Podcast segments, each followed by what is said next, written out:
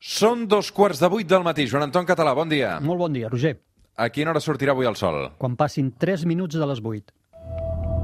3, 2, 1, seganya!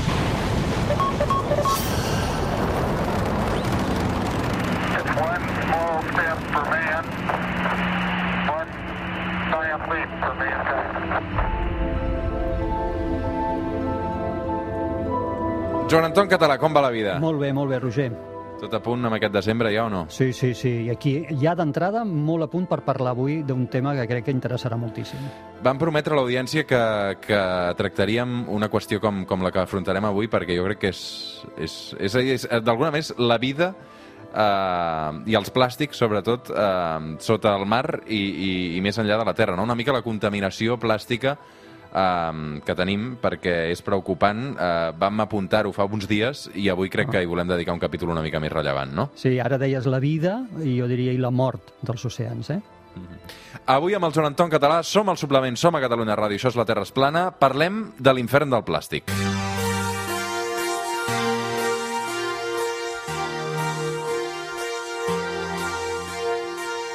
A veure, Joan Anton, arrenquem pel principi. Uh, D'on surt el plàstic? Val, ara anirem explicant a poc a poc, com ara deies, anem per principi. El plàstic surt, veurem, quasi tot ell de combustibles fòssils, del petroli i del gas. T'haig de dir que eh, des de que la nostra civilització el va començar a sintetitzar i va descobrir les grans propietats que té el plàstic, no hem parat de trobar-li usos amb tot, eh? amb tota la nostra vida estem rodejats de plàstics. Es considera que el primer d'ells va ser fabricat a l'any 1869 per un senyor que es deia John Wesley Hyatt, eh, que curiosament ho va fer incentivat per un premi que hi havia de 10.000 dòlars als Estats Units, que una companyia americana donava, perquè trobés, atenció, una forma de fer boles de billar, que en aquell moment s'havia posat com molt popular, sense necessitat de marfil. I llavors, eh, ell, a través d'unes reaccions químiques, no exactament com les que explicarem, sinó diferents en productes naturals, va fer com un símil del primer plàstic. I després, eh, Leo Baekeland, a l'any 1907, és la primera persona que realment fabrica el plàstic tal com avui l'entenem, és a dir, un plàstic sintètic. I després ja ve la Segona Guerra Mundial, a partir de la Segona Guerra Mundial ve la gran, el gran impuls del consum del plàstic. Quines són les principals propietats d'aquest plàstic que ens ha canviat la vida? Clar, són brutals. Mira, és extremadament resistent. Això, per cert, és un problema, com ara parlarem, perquè la natura no marxa. És molt versàtil, versàtil. pots fer la tira de cos amb ells. És, és lleuger, és flexible, és molt barat de produir. Clar, tu li juntes tot això i, home, tens aquí una cosa que, que la, és ubicua a tot arreu. Mm. El problema del, del plàstic comença des de la seva fabricació, no? Ja, d'entrada? Perquè Sí. com es crea? Sí, el que dèiem, a través, quasi tot el plàstic que tenim es crea a través dels combustibles fòssils. Això vol dir del petroli i del gas natural, que com sabem doncs són recursos escassos i, i submesos a pujades i baixades, en els nivells dels consum, etc. Uh, el que fem és, bàsicament, bàsicament, el tractament d'aquest petroli que extraiem i del gas natural en processos químics que es fan a les refineries i posteriorment a altres indústries, eh, que es diuen, tenen noms com destil·lació, craqueig, etc i que el que fan és anar separant els components, els milers de components que formen el petroli. I no oblidem que, per cert, del petroli després ho traiem tot, eh? no només traiem plàstics, traiem pintures, explosius, medicines, traiem tot el que ens rodeja, i d'aquí també traiem aquests components bàsics que eh, després, quan es vagin juntant fent unes llargues cadenes que anomenem polímers, faran els plàstics. I són els noms típics que molts de nosaltres eh, associarem ràpidament als plàstics, polietilè, polipropilè, tot això són noms de components que després d'aquests components es fan els plàstics. Però, Joan Anton, també existeixen els bioplàstics. Sí, en parlarem, eh, sobretot, deixa'm que en parlem una mica al final, quan haguem ja repassat el problema del plàstic, perquè aquí també s'ha generat, jo crec que confusió, dient, no, no, no, però és que hi ha els bioplàstics que no provenen del petroli i del gas, provenen de fons, de fons diríem, vegetals, per entendre'ns, que no tenen aquests problemes, no, però en tenen uns altres, eh? i en parlarem al final. Molt bé, doncs de seguida hi tornem. Sí que és veritat, Joan Anton, que el plàstic el fem servir moltíssim al nostre dia a dia des de fa una pila d'anys, tot i que cada vegada, i també se n'incrementa l'ús, hi ha més alternatives. Sí, eh, els usos, clar, aquí no acabaríem, eh? Fixa-t'hi, qualsevol cosa de les que tinguem... Seria difícil trobar al nostre voltant una cosa que no portés algun, algun element de plàstic, des dels brics que utilitzem, els, eh, no sé, els envasos dels iogurts, les pastes de dents, en medicina, en medicina moltes pròtesis estan fetes de plàstics, a la indústria, aparells, peces de tot tipus dins de cotxes, d'avions, d'ordinadors, de joguines, a, a conduccions, fins i tot a components de naus eh, espacials. Ja et dic, seria pràcticament impossible que acabéssim una llista. Abans no comencem amb els problemes, també això ens ha de fer reflexionar. És dir, és gràcies als plàstics que hem salvat moltes vides i que també tenim la tecnologia que ara tenim. És dir, sense el plàstic no sé com ens ho haguéssim fet, eh? perquè aquí estem parlant de molts aparells que estem utilitzant cada dia i alguns dels quals han salvat directament vides, eh? com pròtesis eh, de medicina o, o, diríem, espais per mantenir l'aigua en llocs on l'aigua és escassa, etc. A veure, anem a la dada. Anem a intentar buscar la dada, Joan Anton. Se sap a nivell mundial quant de plàstic produïm? Sí, ho vaig buscar. Mira, ho tinc aquí anotat. Eh, Et faré una comparativa perquè veiem com això s'ha incrementat. A l'any 1950 es calcula que es produïen a tot el món 2,3 milions de tones de plàstic. Doncs això, de 2,3 s'ha passat a 448 milions de tones a l'any 2015. I el més greu, potser, és que s'espera que aquesta xifra es dobli a l'any 2050. Clar, aquí quin és el problema? No només és el gran volum de producció, sinó que és acumulable. Com ara anirem explicant, el, el plàstic no es biodegrada. Eh, està a la natura, el llancem i està a la natura durant centenars d'anys abans no es degrada. Què vol dir? Que tot això s'acumula. Tota aquesta fabricació anual que cada cop és més gran es va acumulant any rere any. Déu-n'hi-do, eh, és una dada esfereïdora, eh, per això. Sí, sí, sí, sí. Sobretot per això que dèiem, perquè a la natura triga centenars d'anys en, en degradar-se. I això el que fa és que l'anem acumulant, l'anem acumulant re, any rere any. Uh, I, a més, la degradació, quan es produeix, no és que desaparegui el plàstic, dir, ah, mira, ja està, ja ha desaparegut. No, el plàstic el que fa és, es va fraccionant, uh, diríem, a la natura, es va trencant i fraccionant i es converteix en el que anomenem microplàstics. Microplàstics són petites estructures de plàstic i que són molt perilloses des del punt de vista medioambiental, perquè la gent sempre pensa el gran plàstic, no? la, la bossa de plàstic o el, el bric de plàstic, que també. Bueno, però és que després d'anys a la natura això es va eh, convertint en aquests microplàstics encara molt més perillosos. Som al suplement, som a Catalunya Ràdio, que sentiu és el Joan Anton català. Cada diumenge a l'hora que surt el sol la Terra és plana. Avui amb el Joan Anton parlant de la contaminació plàstica.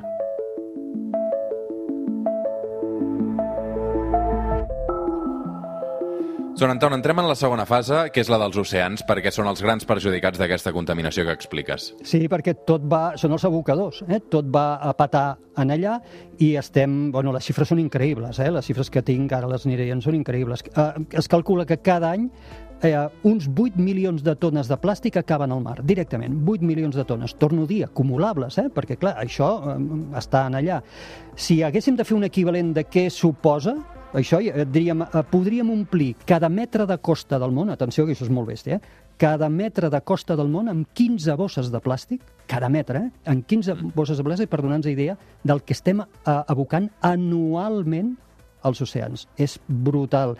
El 2015, les previsions que tenim del 2000, perdona, del 2025, diu que haurem doblat aquest ritme de contaminació dels oceans. I com que això és acumulable, vol dir que podríem cobrir cada metre de costa del món amb l'equivalent a 300 bosses de plàstic. Repeteixo, per cada metre de costa del món. És, una animalada.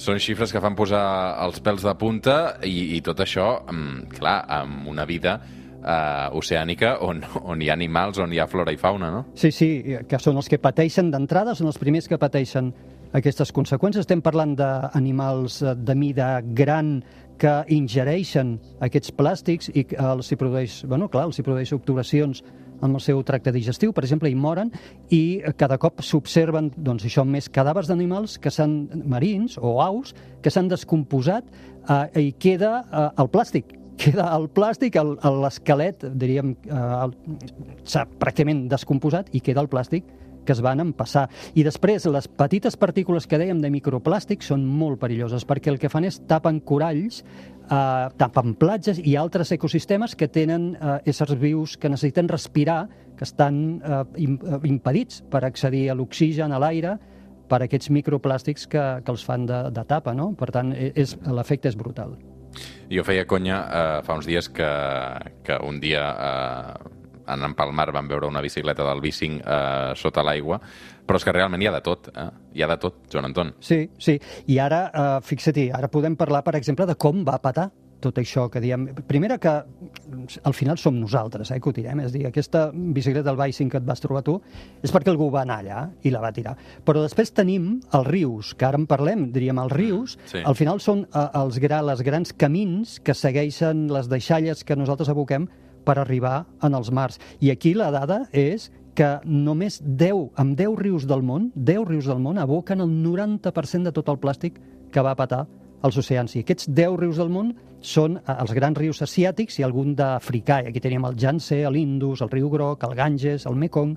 És dir, per tant, aquests 10 rius eh, donen compte del 90% de plàstics que se'n van als oceans.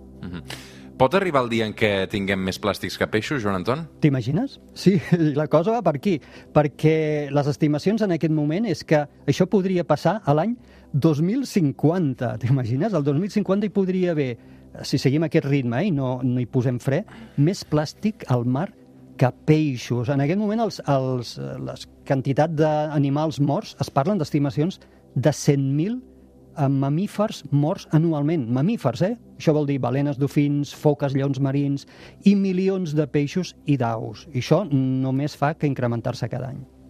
Hi ha països on, on hi ha més contaminació plàstica que d'altres, això és evident, no, Joan Anton? Molt evident. Jo vaig buscar també les dades no només dels que contaminen, sinó dels que en fabriquen i n'utilitzen, i és molt curiós per la comparativa, perquè realment els que més n'utilitzen són els grans països desenvolupats. El primer és els Estats Units, el Japó, a Europa, però què passa? Que tots aquests països tenen formes més o menys eficients, cal millorar-les, eh? aquí que la gent no es pensi que ja ho tenim tot resolt, però bastant eficients d'intentar reciclar tots aquests eh, plàstics i acabar que impedeixen a la natura.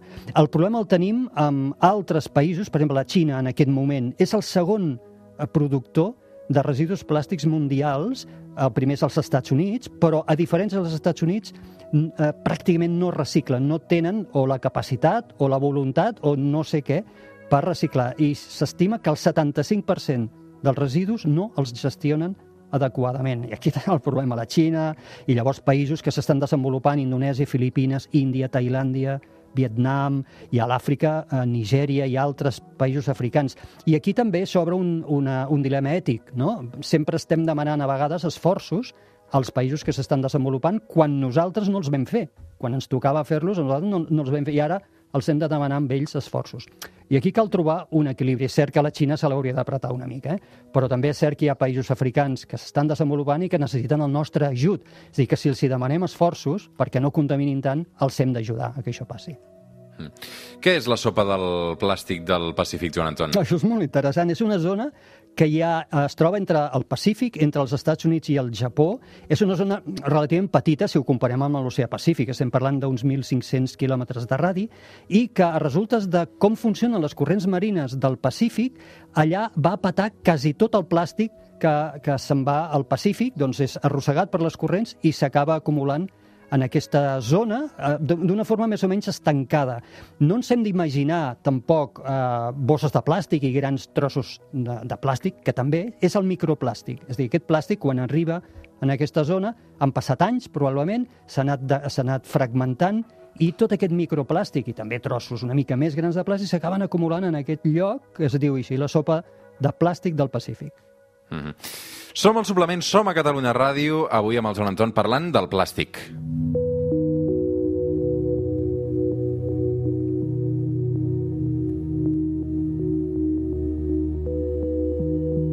A veure, Joan Anton, perquè ens en fem una idea, eh? Quan llancem una ampolla de plàstic al mar, on acaba? Clar, jo ho vaig intentar buscar, dic, va, anem a fer l'experiment, anem a llançar, però la dada que vaig trobar no correspon a Europa, no ens correspon a Catalunya, la vaig trobar del National Geographic que parlava d'una ampolla llançada a les costes de Califòrnia. Eh? És l'exemple que tenim, però crec que és força, força il·lustratiu. Doncs mira, una ampolla de plàstic la llencen a la costa de Califòrnia i d'entrada és arrossegada per un corrent que baixa de Califòrnia cap a Mèxic, per tant se'n va cap allà al sud. Allà eh, fa transbordament, diguem, i agafa una corrent equatorial que la fa creuar tot el Pacífic fins al Japó, a prop del Japó. Allà torna a canviar de, de recorregut en una altra corrent marina que es diu la de Kuroshiro, que la porta cap, una mica cap al nord i finalment agafa una altra corrent en direcció com si tornés cap als Estats Units i allà va patar en aquesta sopa de plàstic del Pacífic, que dèiem. Això, s- imagina't la de recorregut, una, una ampolla de plàstic llançada a Califòrnia va patar entre els Estats Units i el Japó acumulada en aquest espai que dèiem abans. Realment és per pensar-s'ho, eh? Sí, sí, a veure, és que tenim un problema enorme, és aquest equilibri que moltes vegades comentem en tot, no? el, el progrés tecnològic que tenim i la qualitat de vida que tenim gràcies al plàstic en aquest cas i el problema que tenim amb, el, amb les deixalles de plàstic, que no sabem mm. què fer-ne.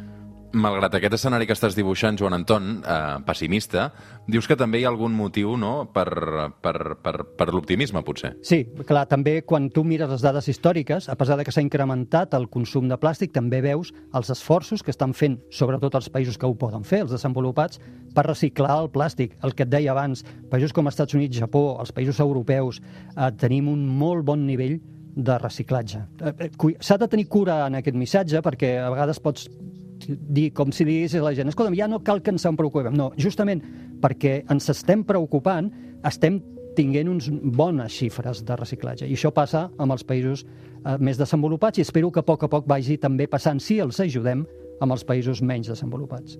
Molt bé. Què passa tot això amb aquests bioplàstics que apuntàvem fa una estona? Sí, clar, aquí tenim ara els bioplàstics. Vale, doncs deixem el gas natural i el petroli per fer plàstics i fem-los amb l'acció de determinats bacteris, que això ho fem també, creem bioplàstics, que fermenten productes vegetals, productes d'origen vegetal. Val.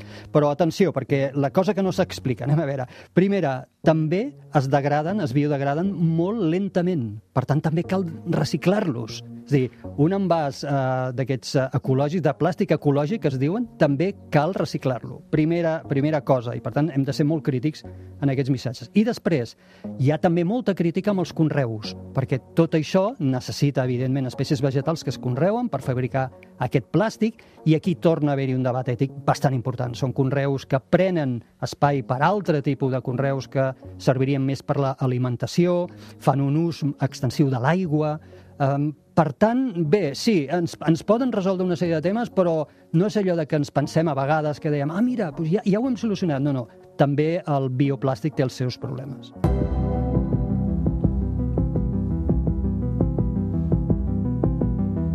Avui un capítol més necessari que mai i del qual doncs, en continuarem parlant perquè és un tema, evidentment, que, que creixerà, que no està resolt i que ens persegueix. Sí, senyor, això ens ho haurem de resoldre perquè si no ja veus on anirem a patar més plàstic als mars que peixos. Al final, eh, és posar una mica de gra de sorra tots plegats perquè eh, hi, han, hi han dinàmiques quotidianes que sí que hem capgirat, que és, per exemple, anar a comprar eh, i les bosses portar-te-les de casa, no? Clar, clar. Són, eh, aquestes són les petites contribucions que nosaltres podem fer i, i són les que hem de fer, perquè al final és la suma, no? Perquè un diu, ah, però jo l'efecte que tingui és, és menyspreable. Clar, la teva sí, però si anem sumant i acumulant eh, i tenim en compte la població i després el, a la indústria, aquí és on podem fer la gran contribució. I això és una cosa de cultura. Ens hem de conscienciar en què està a les nostres mans poder-ho canviar. Joan Anton Català, acabem. Què hi passarà aquesta setmana al cel? Tenim, ja ho havíem comentat fa temps, ho anem comentant, i cada cop més propers, Júpiter i Saturn, ho sabem, s'estan acostant fins al dia 21 de desembre, que estaran ja, ja, ja tan a prop que no els podrem distingir. Ens queda ja només una setmaneta per la millor pluja d'estrelles de tot l'any, els gemínids, eh, coincidint amb la lluna nova, si tot va bé i el temps, els núvols no hi són, doncs podem tenir un espectacle, com et dic, la pluja d'estrelles més espectacular de tot l'any. Mart encara ens brilla força dominant tota la nit i Venus ja li va quedant cada cop menys perquè el puguem veure sobre l'horitzó est a l'alba. Aquesta pluja d'estrelles de què depèn que funcioni? Eh, a veure, sempre les pluges d'estrelles... Del de- temps, no? Del temps, una és del temps, primera, i segona de l'atzar. És dir, és impossible predir per una determinada pluja d'estrelles si aquell any en concret serà molt, molt bona o no. Eh? Hi ha hagut intents i sempre acabem cagant-la amb les previsions. Mm. Jo sempre dic, paga la pena sempre mirar-les, i més aquesta. Aquesta, com et dic, és la millor, en principi, en teoria, la més abundant, més que les llàgrimes de Sant Llorenç de l'agost, aquesta és més abundant. No és tan agradable a vegades de veure-la com la de l'agost, perquè fa fred, en fi, tots els condicionaments, però no ens l'hem de perdre.